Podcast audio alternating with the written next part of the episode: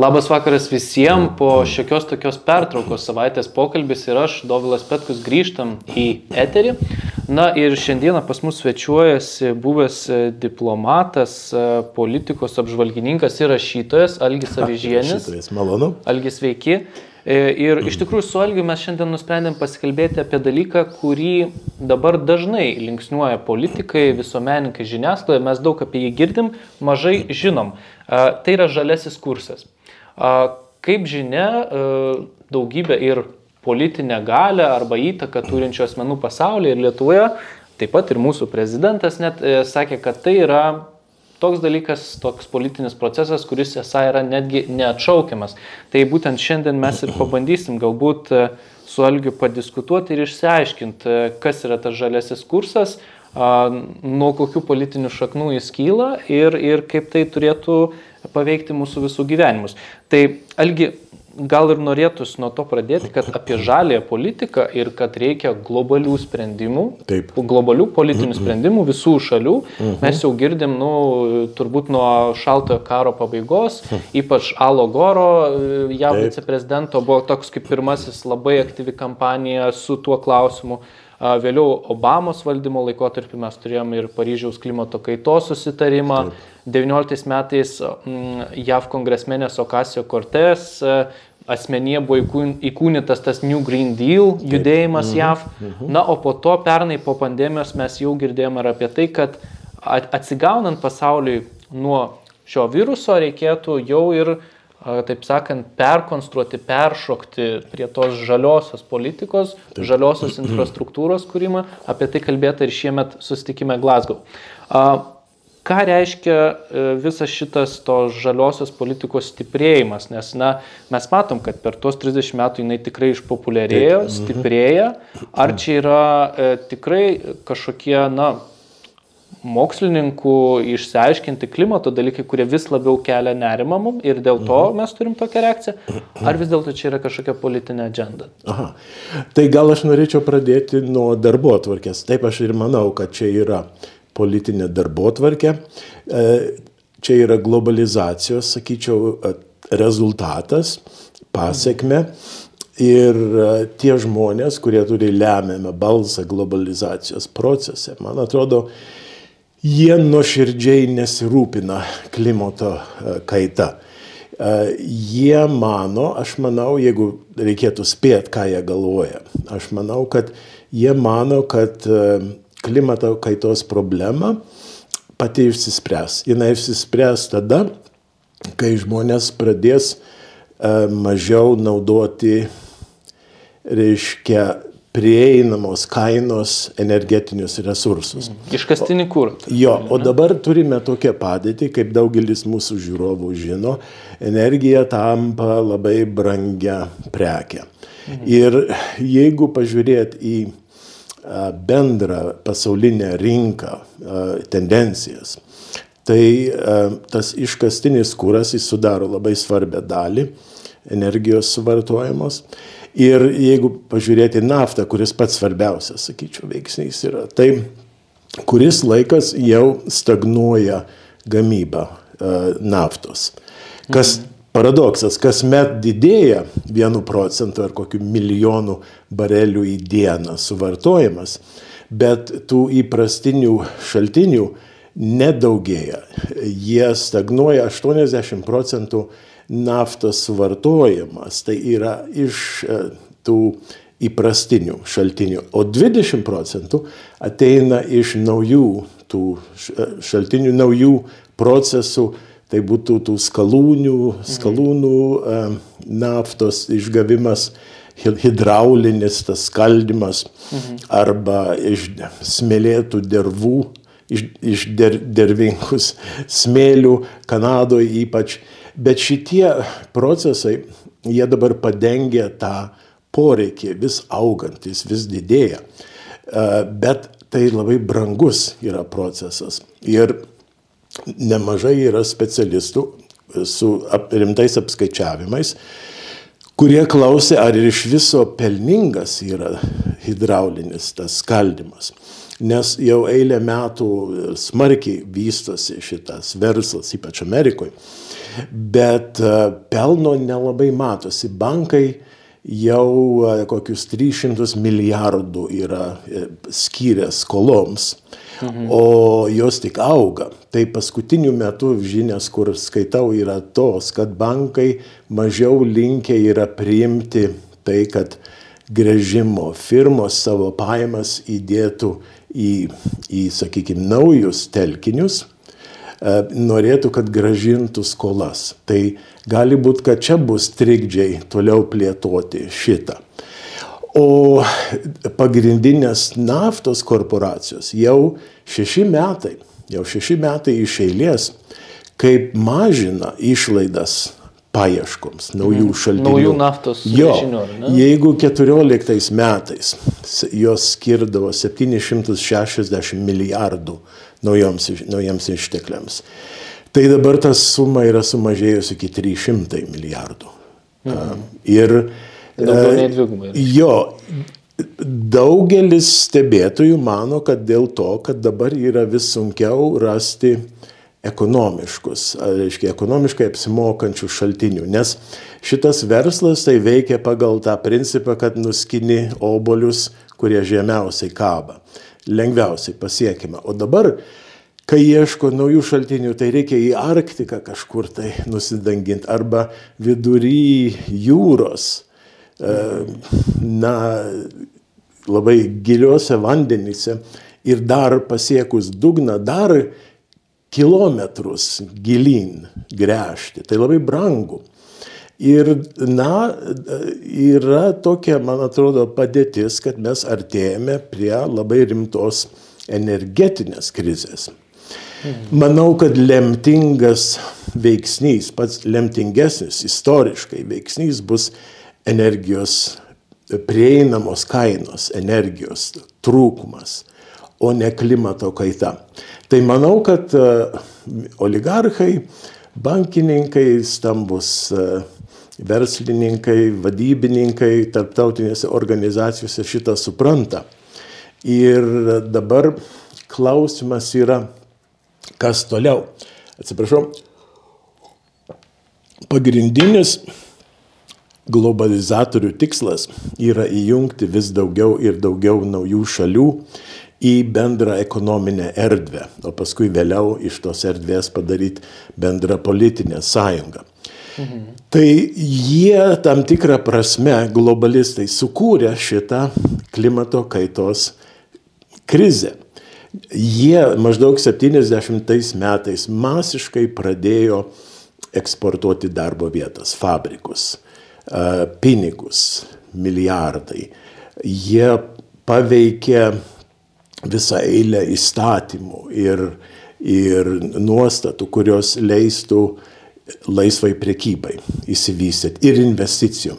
Pirma laisva priekyba, o paskui investicijų ir ta, reiškia, liberalizavimas ir tada galima eksportuoti, sakykime, automobilių detalių gamybą kur nors į Kiniją. Nes tada gali gražinti. Pagamini labai pigiai, 10 kartų, 20 kartų pigiau, o gali parduoti už tas pačias kainas.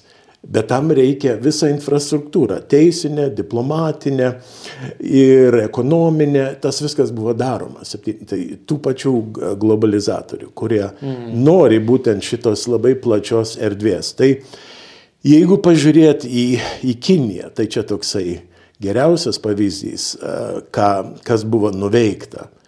Tai Kinija nuo tada, kai pradėjo gauti užsienio investicijas, padidino BVP 40 kartų. Nuo maždaug 300 kažkiek tai milijardų iki 14 trilijonų.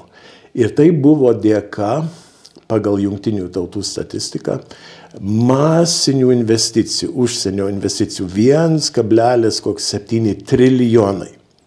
Bet čia tik oficialiai. Mhm. Nes jeigu bandai susigaudyti, kur eina tos investicijos, iš kur labai lengvai pasiklysi, nes labai daug investicijų eina per Hongkongą arba per Singapūrą ar per dar kitas šalis. Ir tada slaptai e, patenka į Kiniją. Tai ta suma galėtų būti ir dvigubai didesnė, gali būti ir kalbama apie 3 trilijonus. Bet, Algi, tada kalbant, tai, kas tai, yra tie tai, globalizatoriai, tai, tai yra pramonininkai, kurie nuo 70-ųjų bando išplėsti savo rinką taip. ir dabar yra susirūpinę energetinėmis kainomis, kaip juos tada jo, apibriežti? Jo, ir, ir, jų, ir jų finansininkai. Iš pradžių jie rėmėsi finansais, o paskui finansai vis daugiau perima valdymą. Tai labai sukoncentruota, sakyčiau, finansininkų galę, kokią mes turime. Dabar yra turto valdymo įmonės, kurios valdo jau 9 e, trilijonus, o Junktinėse Amerikos valstijose jau pagrindinės 500 Forbes kompanijos beveik visos turi akcijų paketų, kurios nupirko šitos labai stambios turto valdymo firmos. Tai ten aukščiausiose viršūnėse, kur jau trilijonus valdo, tai jau vienas BlackRock, pavyzdžiui, jo valdomas turtas, tai jis, jis, jis būtų koks trečdalis Amerikos BVP. Vienos įmonės. Jo, jo, labai super koncentruota finansinė gale, kuri šitą dalyką stumia. E, stumia gal net daugiau dėl politinių kažkokių mhm. priežasčių. Suvienyti, kontroliuoti, valdyti. O ten yra kažkokios pavardės, pavyzdžiui, BlackRock. E, nu, e, Larry Fink, pavyzdžiui, mhm. vadovas, kuriejas, vadovas. Na, yra dar Vanguard ir State Street, irgi, tai jos irgi trilijonus valdo. Tai jau beveik visas JAV BVP, jau vien tri, trijų firmų uh, na, reiškia, matmenys yra. Jie ne nuosavybę turi, jie valdo, bet ta, tas valdymas irgi duoda jam labai didelę įtaką visose korporacijose. Tai, ką aš norėjau pasakyti, tai investavus į Kiniją, padidinus jos BVP 40 kartų, padėjus tą padaryti, tuo pačiu labai išaugo vartojimas. Išėjo iš skurdo kokie 700 milijonų kinų tapo viduriniosios klasės atstovais. O tai reiškia, jie nori automobilį, jie nori keliauti, jie nori erdvesnės patalpas. Vienu žodžiu, jie naudoja daugiau energijos.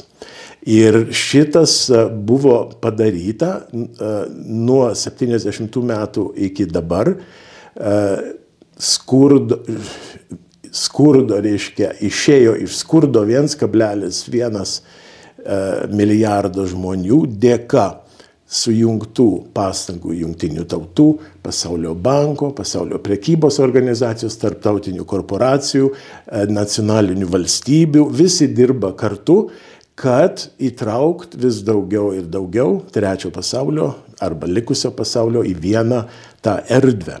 Mhm. Ir e, kai sukūri 700 milijonų naujų vidurinės klasės vartotojų, tai labai padidėja energijos vartojimas. Ir Kinai dabar tapo pačiu didžiausiu teršėju. Pasaulio 30, fabrikas. 30 procentų CO2 iš Kinijos. Dabar Indija yra įtraukiama. Dabar, kadangi globalistai sukūrė šitą, galima sakyti, monstrą Kiniją, Dabar visi išsigandė, kad jisai tampa karinę galę ir gana grėsminga. Tai ką reikia daryti? Reikia dabar Indiją, reiškia, pakelti. Reikės investuoti ir padėti šitai šaliai tapti stipresnė, ją įjungti gynybinės visokias organizacijas mhm. ir santvarkas ir tada bus lengviau šnekėtis ir dėrėtis su Kinija. Bet tai reiškia, kad dar milijardas žmonių turi galimybę kilt.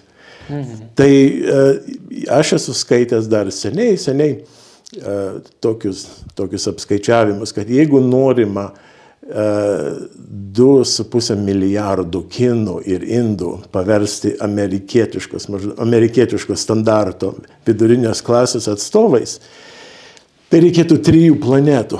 Tai iš tikrųjų nėra realu, bet apetitas matyti yra stipresnis negu mąstymas na, šitų globalistų. Ir jie būtent eina ir jie planuoja toliau plėsti pramonę, įtraukti vis daugiau ir daugiau šalių į pramoninę civilizaciją.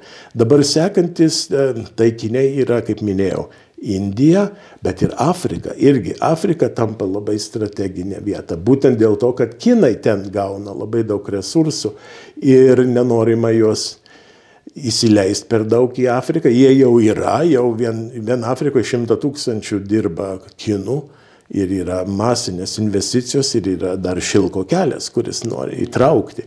Tai kad apeiti šitą reikės ir čia investicijos daryti, reikės perkelt gamyklas. Jau šimta tūkstančių gamyklų buvo perkeltų iš, iš Šiaurės Amerikos ir Europos šitame procese. Ir ten, reiškia, vyksta ta tarša. Čia ir yra ta reiškia tas šaltinis, ko, ko viso bijo, kad klimatas prasidės keistis. Tai 40 procentų taršos ateina iš ten, kur buvo nutarta, kad reikia plėsti pramoninę tą civilizaciją. Mhm. Bet algi, tai kas ta dėsto žalesis kursas, tai yra kaip ir na, prieštarautų tai tam, ką jūs sakėt, nes jisgi yra būtent, na, kaip sakyt, pažabojantis labiau tą pramonę, skatinantis ją investuoti Taip. į kuo švaresnį atsinaujinančios Taip. energetikos kūrimą, tvarumas, ar Taip, ne visą tai. Tai, tai ką jūs pasakėt, nu, jei... Tai pažaboja Europoje ir šiau, pažaboti Europoje mhm. ir Amerikoje, bet nepažaboti Kinijoje. Dabar, pavyzdžiui, Europ, visą Europos Sąjungą sudaro 10 tai procentų tai viso CO2. Ten, norėtų, ten, ten jinai atsiranda. Ir, pavyzdžiui, Kinai pasirašė Paryžiaus sutartį, e, sutarimą e, prieš jau 4-5 metus. Per tą laiką jie išdavė leidimus naujoms elektrinėms, kurios naudoja anglį kur yra daugiau planuojama naujų pristatyti dabar negu visa Europos sąjunga turi, reiškia, anglės. Šiais metais anglės vartojimas Kinijoje padidėjo 5 procentais. E, ir tas toliau eis. Ir su indais bus tas pats. Ir yra tylus susitarimas leisti šitoms šalims teršti daugiau. Nes yra tokia teorija, istoriškai europiečiai ir amerikiečiai jau du šimtmečius kūrė pramonę ir teršė, o šitos šalis tai tik tai keliasdešimt metų kūrė. Tai jiems reikia leisti teršti biški daugiau.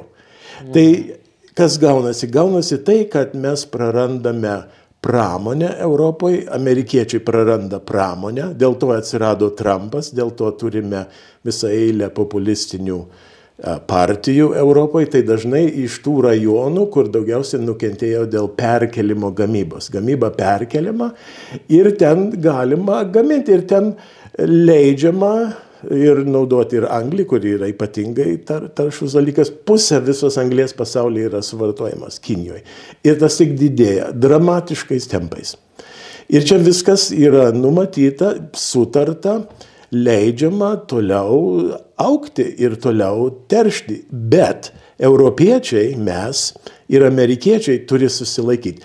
Kas vyksta? Man atrodo, globalistai žino, kad ateina energetinė krizė ir dar yra prieinamos tos energijos, bet jau matosi, kad jau labai ilgai nebus.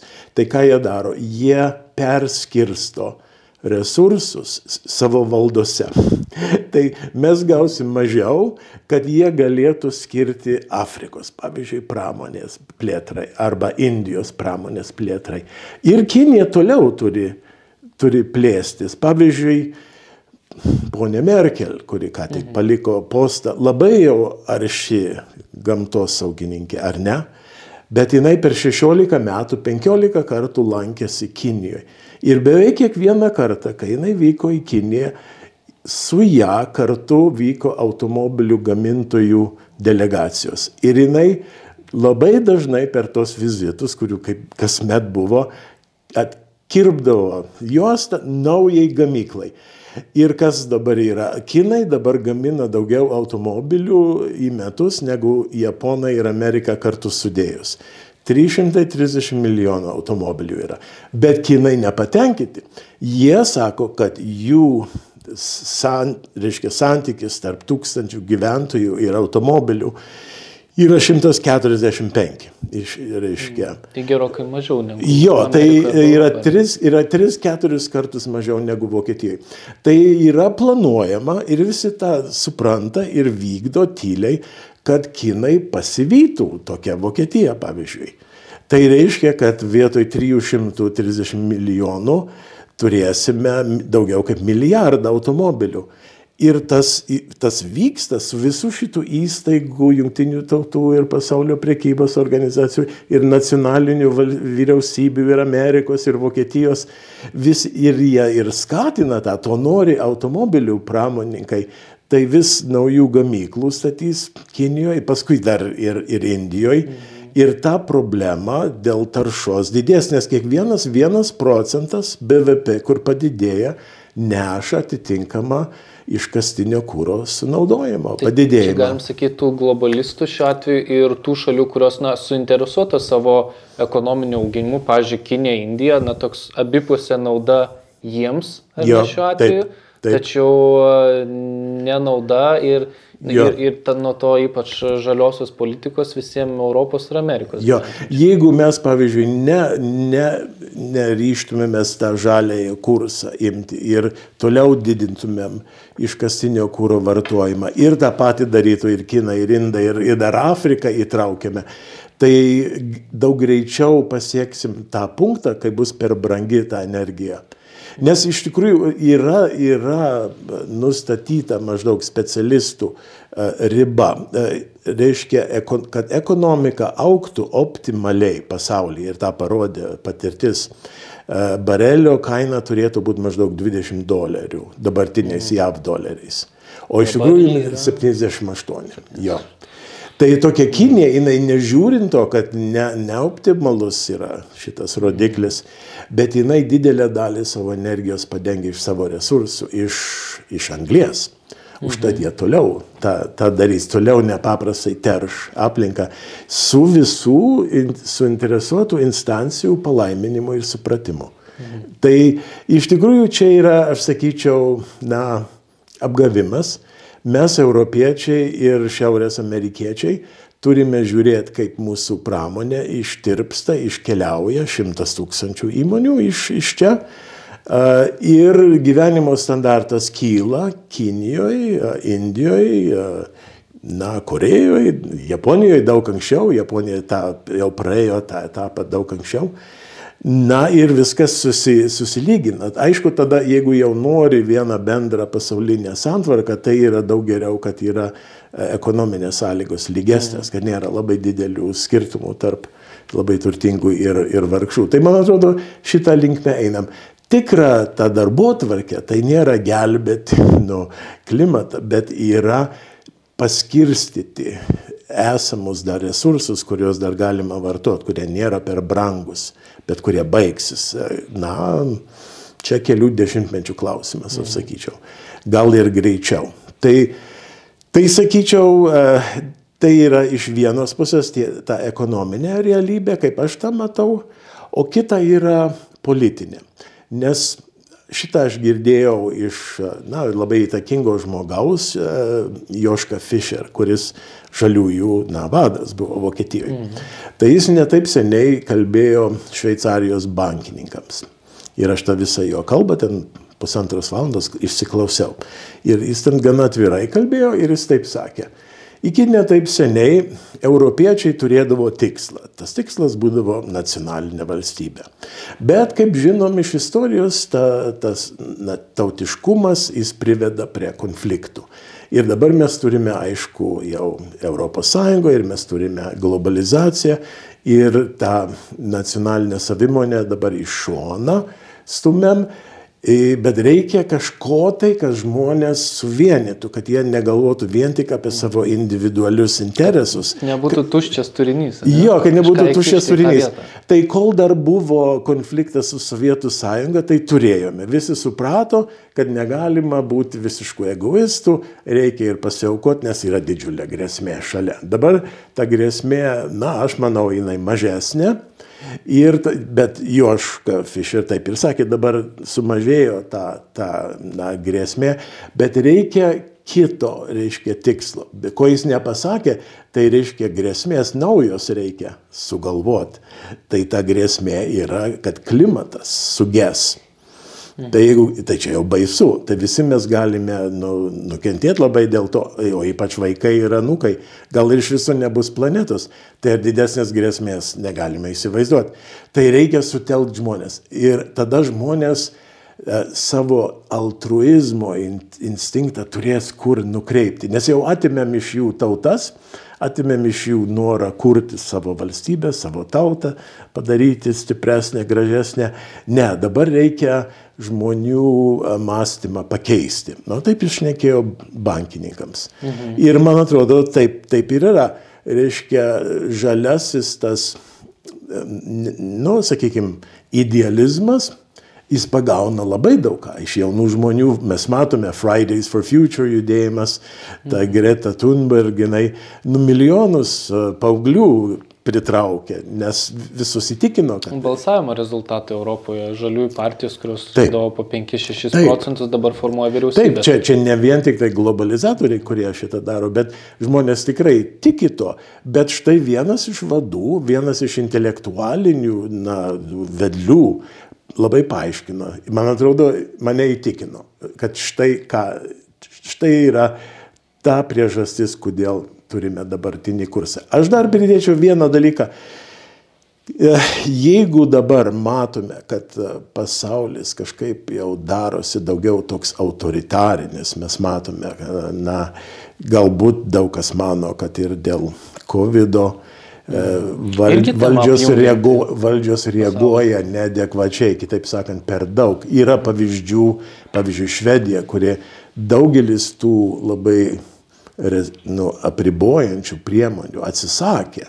Ir iš pradžių mirtingumas ten buvo šiek tiek didesnis, nedramatiškai didesnis, nu, didesnis, bet dabar jau išsilygino. O tos šalis kaip mūsų, Lietuva, kuri labai daug uh, kentėjo per visokius uždarimus ir vaikų tada izoliavimą nuo mokyklos ir, mm. ir paskui ten kel, kelionių uždraudimas. Visa tai buvo išvengta Švedijoje ir Švedijos rezultatai tokie patys.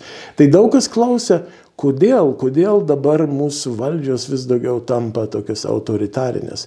Mano asmeninė nuomonė yra vėl ta pati. Ateina energetinis, energetinė krizė, energetinis badas pamažu. Ir visi tie geri laikai nuo 60 metų, 70 metų, kai nafta kainuodavo mažiau kaip 20 dolerių už barelį, nebegrįž. Tai reiškia, žmonių gyvenimo standartai kris. O jeigu dar ir globalistai toliau pumpuos turtą iš Europos ir Šiaurės Amerikos į trečią pasaulį, toliau didins savo valdas, tai tas smukimas gyvenimo standarto bus dar žymesnis. Tada man atrodo, reikia pratinti žmonės jau prie autoritarinio valdymo daugiau. Ir štai, man atrodo, ką dabar mes matome. Tai mano yra algi, bet, teorija, bet, sakykime. Uh, yra daugybė žmonių ir ką jie akcentuoja, kai kurie politikai su žaliuoju kursu, arba, pavyzdžiui, kai kurie pramonininkai, pavyzdžiui, Elonas Maskas, ar ne, mhm. arba, arba kiti, kad būtent šitas žalesis kursas turėtų tapti, na, tokiu impulsu, e, tarkim, pereiti prie atsinaujinančios energetikos Aha. kūrimo, kuri esą, nes Elonas Maskas tikrai tai pabrėžia, kad taip mhm. artėja energetinis badas, ten būtent jis Aha, ir sako, 2040 mhm. čia jau prasidės e, vos ne karai masiniai tarp. Tai va, labai dėl... įdomu, nes bet jeigu mes per... perėsim prie jo. elektros, elektromobilius, jo. saulės kolektorių ir taip toliau. Bet, bet, bet jeigu matyt, va, Amerikoje 2050 metai numatyti jau pasiekti tą neutralumą, mm. a, ne, anglės. Ir Europoje tas pats, carbon neutral Europa 2050. Tai gal mes čia kaip tik labai gudrus esam, nes mes ir mūsų valdžia, ne, kai akcentuoja tą tvarumą, pažiūrėjau, gal mes užbėgam už akių tą energetinį krizę? Kaip Jūs galvojate? Na, aš, aš sakyčiau šitaip. Um, um, pereiti prie, prie švaraus kūro, tai įmanoma, tas yra daroma. Galima pažiūrėti Vokietiją, kuri toliausiai pažengus tą, tą linkmę. Jos energija, e, elektra reiškia 60 procentų yra iškastinis kūras, 40 procentų yra vėjo jėgainės ir mhm. saulės kolektoriai ir viskas. Bet jų kaina elektros yra 40 centų euras, 40 euro centas už kilovatvalandę, vienas iš aukščiausių rodiklių pasaulyje. O Kinija, su kuria ir konkuruoja Vokietija, 9 centai. Štai skirtumas. Mhm. Ten uh, Kinai kažkiek irgi investuoja į atsinaujinančią energetiką, bet ten nėra to fanatiškumo. Ten daugiau yra, man atrodo, pokazuvka, panaudoti tokį rusišką žodį, parodyt, kad kinai irgi dalyvauja globalizacijos, irgi stengiasi sumažinti savo tą įtaką, reiškia CO2, bet ne taip intensyviai kaip Vokietija. Tai Tai štai matome, jeigu norime eiti Vokietijos keliu, tai e, elektra gali pabrangti keturis kartus. Tai e, kaip tai atsilieps tada konkurencingumui, kaip tai atsilieps žmonių gyvenimo standartui. Vokietija turtinga e, iš savo prekybos, bet jų verslininkai nerimauja, kad jeigu dar daugiau, nes dabar žalieji atėjo į valdžią mhm. koalicijoje, Tai jie visą eilę naujų mokesčių numato. Tai, tai tas rodiklis, kurį minėjau, jis dar bus bloginamas. Ir kas tada atsitiks? Na, gali būti, kad ir sukils žmonės prieš tai. Amerikoje, pavyzdžiui, pirmą dieną, kai užėmė Baltuosius rūmus Biden, jis parašė kokią 40 potvarkių, mhm. reiškia susijusius su gamtos sauga. Vieną iš tų tai uždarė. Naftotekį. Naftotekį, jo, Excel, kuris ta iš tų e, dervingų smėlių e, veda na, naftą į Amerikos, reiškia, rajonus.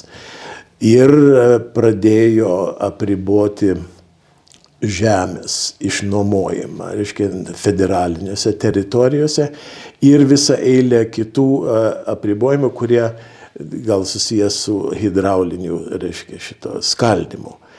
Tai dabar, nebūtinai dėl šitų jo potvarkių, bet dėl, dėl rinkos kainų, Amerikos benzino kaina 50 procentų padaugėjo.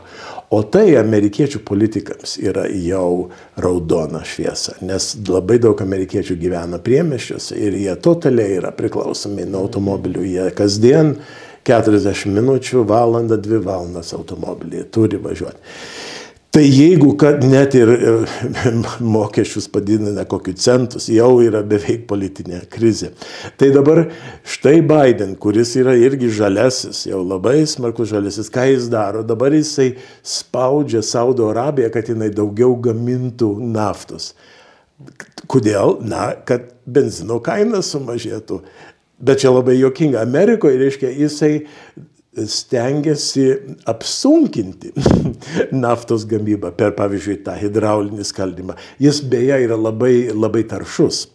Reiškia, atvežti reikia um, šimtai tūkstančių uh, tonų vandens sunkvežimiais ir smėlio keliasdešimt tūkstančių tonų vienam grežiniui, kad, kad ten tą procesą galėtų vykdyti.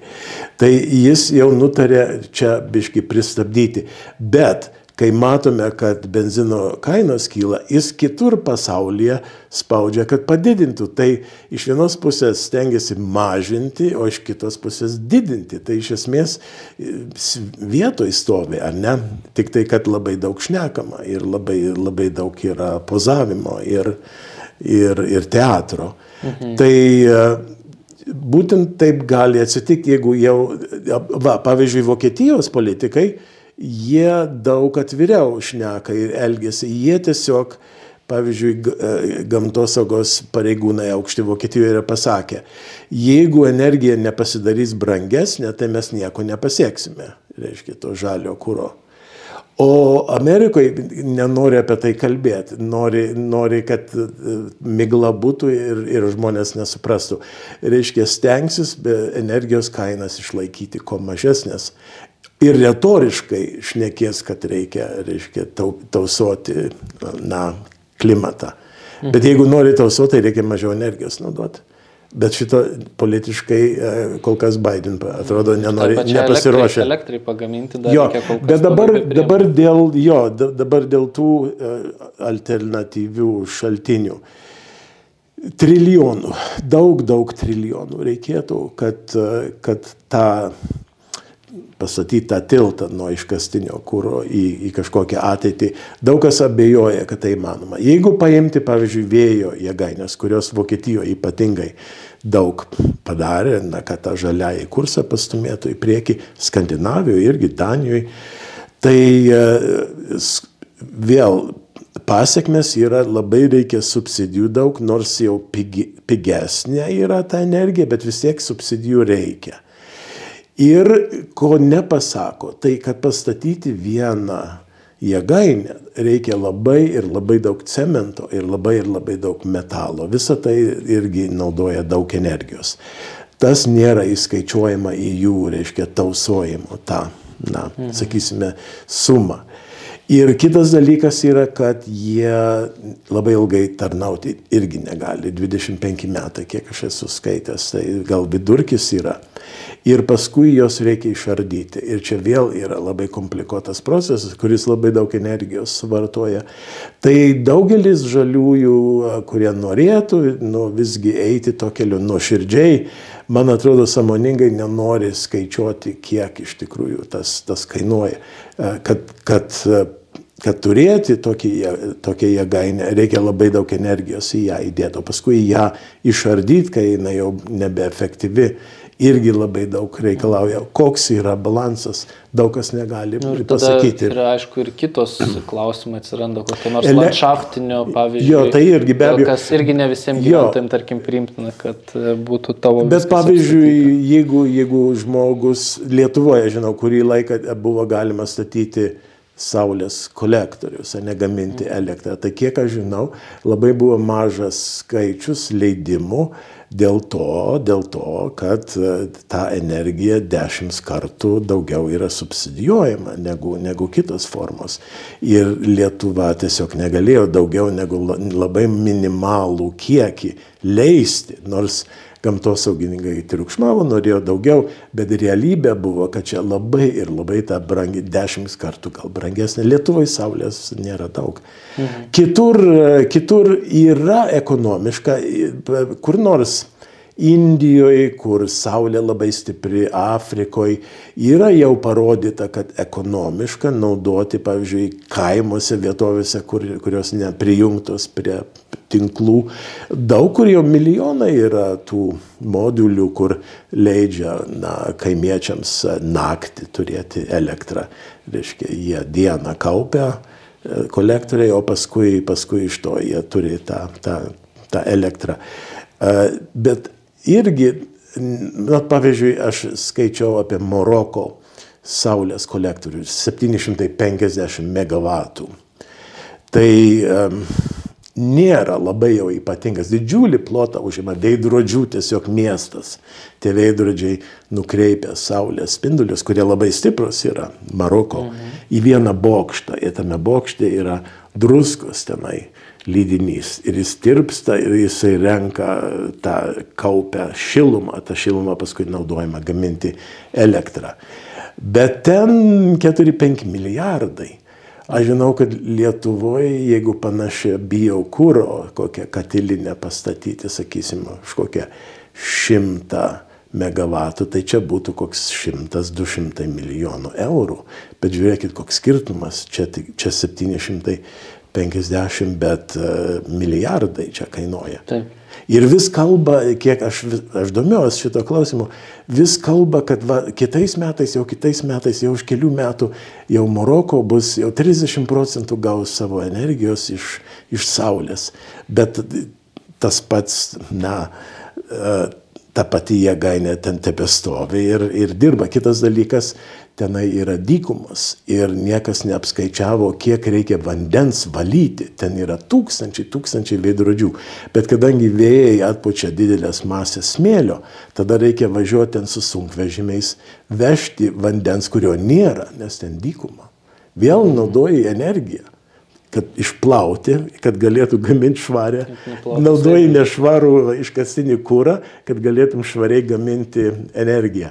Tai čia irgi aš turiu rimtų abejonių, ar iš tikrųjų ten šitas projektas nėra daugiau politinio pobūdžio, kad Maroko gali parodyti, kad jinai viena iš pirmaujančių šalių Afrikoje, kuri gamina švarų kūrą. Tai duoda tam tikrų dividendų ir taip legitimumą padidina, bet ar realiai ką padarom?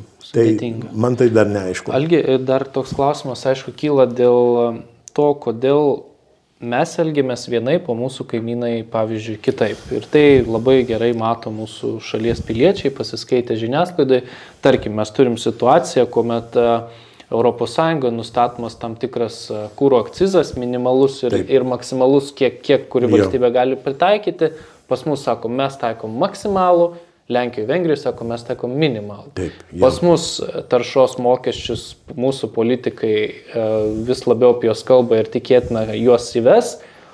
Kitur sako, ne, nu mes, na irgi vėlgi Lenkija, Vengrija, sako, mes mhm. ne, tokių mokesčių neįvednėsim, nes mūsų tikslas yra, kad e, būsto išlaikymo išlaidos, degalų kainos, kas liepčia ypač tą, na, šeimas, vidurinę klasę, kad tai būtų arba mažėtų, arba bent jau stovėtų tos kainos vietoje, Pas mus politikai atrodo elgesi absoliučiai priešingai. Kai tai yra šiuo atveju akcizo, pažiūrėjau, taikymai yra labai akivaizdi tiesiog politinės valios klausimas. Ir ta politinė valia yra tokia, kad na, mes turim maksimaliai kelti kainas ir šiuo atveju uh, kelti kainas ir savo gyventojim. Kodėl tada taip skiriasi? Tarkim, Aš dar tai, pridėčiau, dar vieną dalyką pridėčiau. Taip, e, Orbanas, e, premjeras Vengrijos, reagavo į, Gla, į Glasgow sutarimus ir sakė nepriimtina jam, kadangi Vengrija yra pasirinkusi kelią, kaip skatinti jaunų šeimų, reiškia, kūrimą, tuo, tuo, kad tuoktųsi ir kad kuo daugiau vaikų gimtų.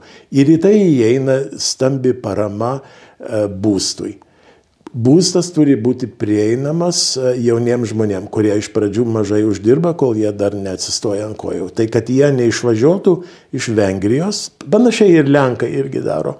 Bet jie nesakė nieko, o Orbanas artikuliavo labai tiksliai tokią ideologinę poziciją.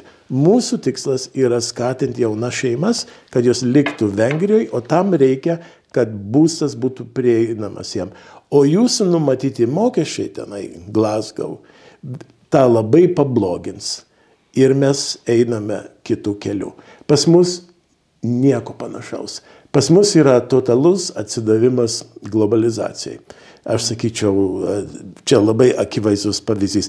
Dar prieš atvykstant į, į studiją, aš pasižiūrėjau dėl, dėl naujos iniciatyvos ES norėtų, reiškia, spausti nacionalinės valstybės, kad jos daugiau pinigų skirtų pastatų e, na, efekt, energijos efektyvimui. Mm, Kel, kelti. AAA plus ten. Jo, jo.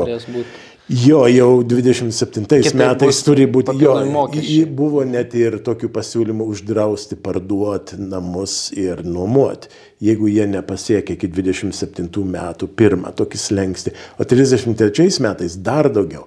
Tai visa eilė uh, neturtingesnių valstybių - Latvija, Lenkija, Slovenija prieštaravo. Buvo ilgas sąrašas šalių, kurie prieštaravo. Galbūt šitas pasiūlymas toli nenuvažiuos. Bet kaip aš pažiūrėjau, ar Lietuva? Ne, žinoma, Lietuvos nėra. Lietuva pirmoji vietoj, aš sakyčiau, pirmoji vietoj pagal paklusnumą, uolumą ir e, atsidavimą globalizacijai. Tai vidurio Europai, ar ne? Aš manau, kad mes pirmaujam. Mhm. Tiek, kiek aš gyvenu Bet Lietuvoje. Kodėl, Algiai, tada taip nutinka, kad vat, Lenkai, Vengrai. Tai, tai jie rūpinasi jie savo turi... nacionaliniais interesais, kažkiek jie gina, o mes stengiamės į priešingą pusę eiti dar daugiau reiškia vykdyti globalizatorių tikslus su kaupu darbut. Tokią turim politinę klasę. Jinai netiki Lietuvą, netiki Lietuvos ateitim. Mūsų nacionalinė savimonė labai ir labai smugdoma tų partijų, kurios valdė mus, tai ar tai socdemai, ar konservatoriai, ar ypatingai konservatoriai, aš sakyčiau, ypatingai Landsbergininkai, jie yra totaliai susi, susiblokavę su globalizatoriais. Ir tiesiog nėra, nėra to pasitikėjimo Lietuva ir pavyzdžiui, buvo Varšuvai šį mėnesį nacionalinių partijų sus, nu, suvažiavimas. Mm. Siekiama rasti bendro, sakykime, vardiklio Europos parlamente, kad susijungtų, nes dabar yra tos tautinės partijos išbarstytos per galbūt per dvi frakcijos ir, ir vengrų yra kažkaip atskirai. Tai, Fidešas liaudės partija, berods. Tai Lietuva atstovavo kas? Lenkų mažuma.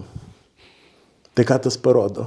Mhm. Kur mes esame e, šitame bendrame fone, kur Europos tautos bunda ir pradeda ginti savo nacionalinius interesus prieš šitą nivilizaciją, prieš šitą na, federalizaciją, kurią stumia e, ir kurią dar daugiau stums vokiečiai su savo žaliaisiais ir socdemais, mhm. tai me, mes esam paskutiniai vietoj. Algi, jūs parašėt knygą uh, Towards New Era of Nation States. Taip, uh, jinai verčiama. Angliškai, jo. Jo, ir jinai bus verčiama į lietuvių kalbą, galbūt taip, jūs pavadinimas. Taip. Tai būtų link nacionalinių valstybių nauja era. Mhm. Tai Kitaip tai sakant, globo, globalizatoriai, jeigu pažiūrėtumėt panašiai na, internete, Google, tai, tai iš tikrųjų rašoma, kad einama nuo nacionalinių valstybių, kad nacionalinės valstybės yra atgyvena, o aš kaip tik atvirkščiai einame į, į ateitį. Ir ko reikėtų, kad galėtumėm tą ateitį paskatinti. Tai ten yra daugiau tokia ideologinė knyga, kokiu idėjų reikėtų, e, ką, ką iškelti, ką, ką galbūt vengti, kad, kad galėtumėm na, būti tokiai padėti, kur kūrėme ir stipriname tautas, o ne žiūrim, kaip jos susitraukia ir kaip žmonės išsivaikščioja ir, ir mes visi tampame tik tai individualistais, konkuruojantį viens su kitu ir, ir indiferentiški bendriems reikalams. Mm. Tai e, liko dar du skyriai iš devinių išversti, tai man atrodo po dviejų mėnesių na, paleisime per internetą nemokamai, kas norės galės skaityti lietuviškai. Super. Na, turbūt nacionalinė valstybė yra vienintelė priemonė apsiginti nuo visų šitų globalinių procesų. Būtent taip. Gintis, ar taip. bent jau bandyti gintis taip, nuo tų taip. procesų, kurie kažkas viršuje ten bando mums įpiršti. Taip, mes bandom gal kurti kokią nors asmeninę laimę, kūrėme šeimą, bet globalistai labai lengvai gali viską sujaukti, gali tai padaryti, kad e, nėra investicijų, nėra darbo vietų ir prašau, e, visa šeima išsibarsto Kiekvienas savo ieško darbo vietą kur nors kitose šalyse. Tai kas tą gali sustabdyti? Tai stipri nacionalinė valstybė. Aš manau, to mes norime visi. Algi, ačiū tada, kad buvote šiandien Malonu. su mumis. E, priminsiu žiūrovom, kad pas mus šiandien svečiavosi buvęs diplomatas, politikos apžvalgininkas ir e, neseniai knygą išleidęs žmogus, Algis Avižienis. Na, o mes susitinkam po savaitės. Iki susitikimo. Iki. Iki.